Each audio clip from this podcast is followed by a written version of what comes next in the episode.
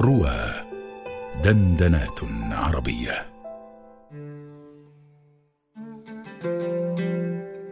رأيت في السيرة مع إسراء جلبط إسراء. مرضت خديجة وأخذ رسول الله يمرضها.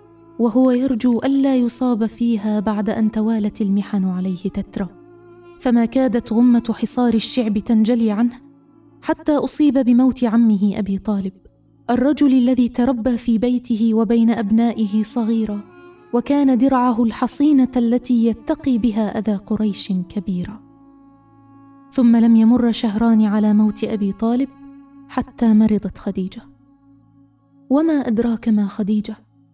زوجه ومؤنسه الصدر الحنون الذي يؤويه أم عياله وأقرب الناس إليه لكن قدر الله نافذ فأسلمت خديجة الروح لبارئها تاركة رسول الله وقد اجتمعت عليه الأحزان وتوالت عليه مصائب الموت فكان ذلك العام حقيقا بأن يسمى عام الحزن.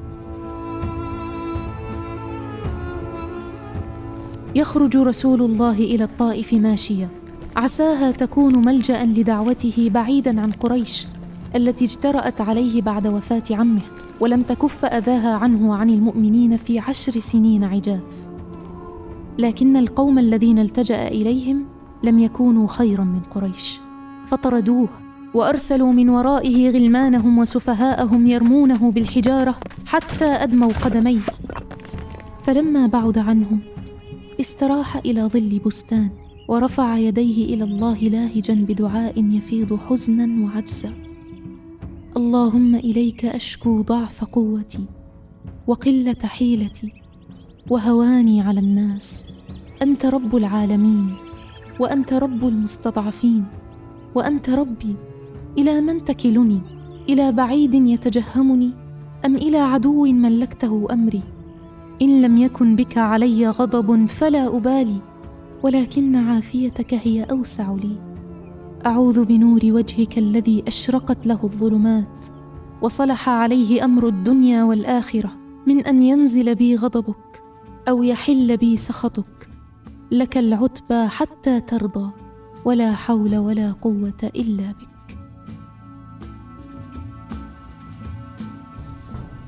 ثم عاد إلى مكة مغلوبا ولم يستطع أن يدخلها إلا في حماية رجل من المشركين.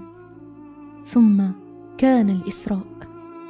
الرحلة التي واسى الله بها نبيه وأدناه منه فيها دنوا يهون عليه ما يلقى في سبيله. لكنني أشعر أن هذه الرحلة إلى ما فيها من المواساة لرسول الله تلخص ماهية رسالته صلى الله عليه وسلم. إذ صلى بأنبياء الله جميعا في بيت المقدس. مئة وأربعة وعشرون ألف نبي اصطفوا وراءه وهو إمامهم. إذ هو صلوات ربي وسلامه عليه.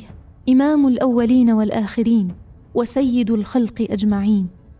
وفي صلاته بهم إشارة واضحة إلى عمق الصلة بينهم. إذ الدين واحد والعقيدة واحدة على اختلاف التشريعات.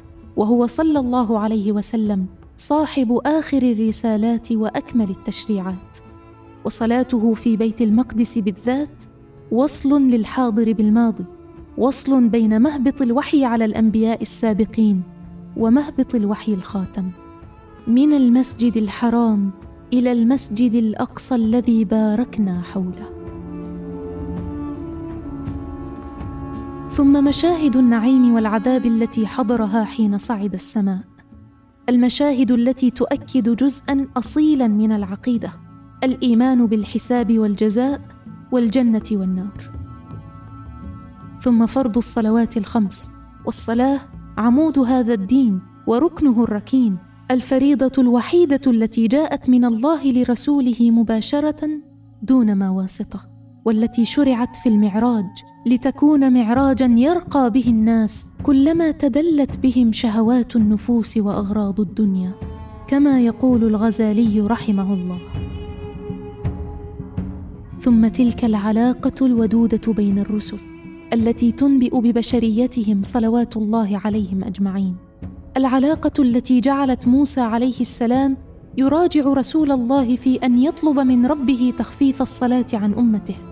لا لشيء غير الإشفاق عليهم من عظم التكليف.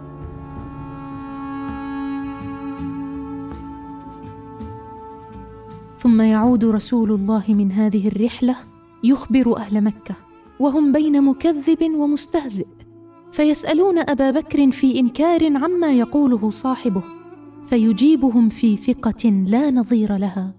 والله لئن كان قال لقد صدق. وكأن الإيمان كله يتمثل في هذه الجملة القصيرة. وما الإيمان إن كنت لا تؤمن إلا بما تراه رأي العين؟ وهل الإيمان في جوهره إلا إيمان بالغيبيات؟ إيمان بالله وقدرته العليا وعلمه اللامحدود. وحين تتأمل القصة بتفصيلاتها لا تجد تعليقا عليها أفضل من قول الله سبحانه. سبحان الذي أسرى بعبده. نعم سبحانه. والتسبيح كما يقول أحد المفسرين أليق حركة نفسية تتسق مع جو الإسراء اللطيف وأليق صلة بين العبد والرب في ذلك الأفق الوضيء. فسبحان الله ما قدرناه حق قدره. وسلاما واجبا إلى الثلة المؤمنة المرابطة في مسرى رسول الله لا يضرها من خذلها. سلاما إليهم وصلاة وسلاما على حبيب الله ونبيه وصفيه.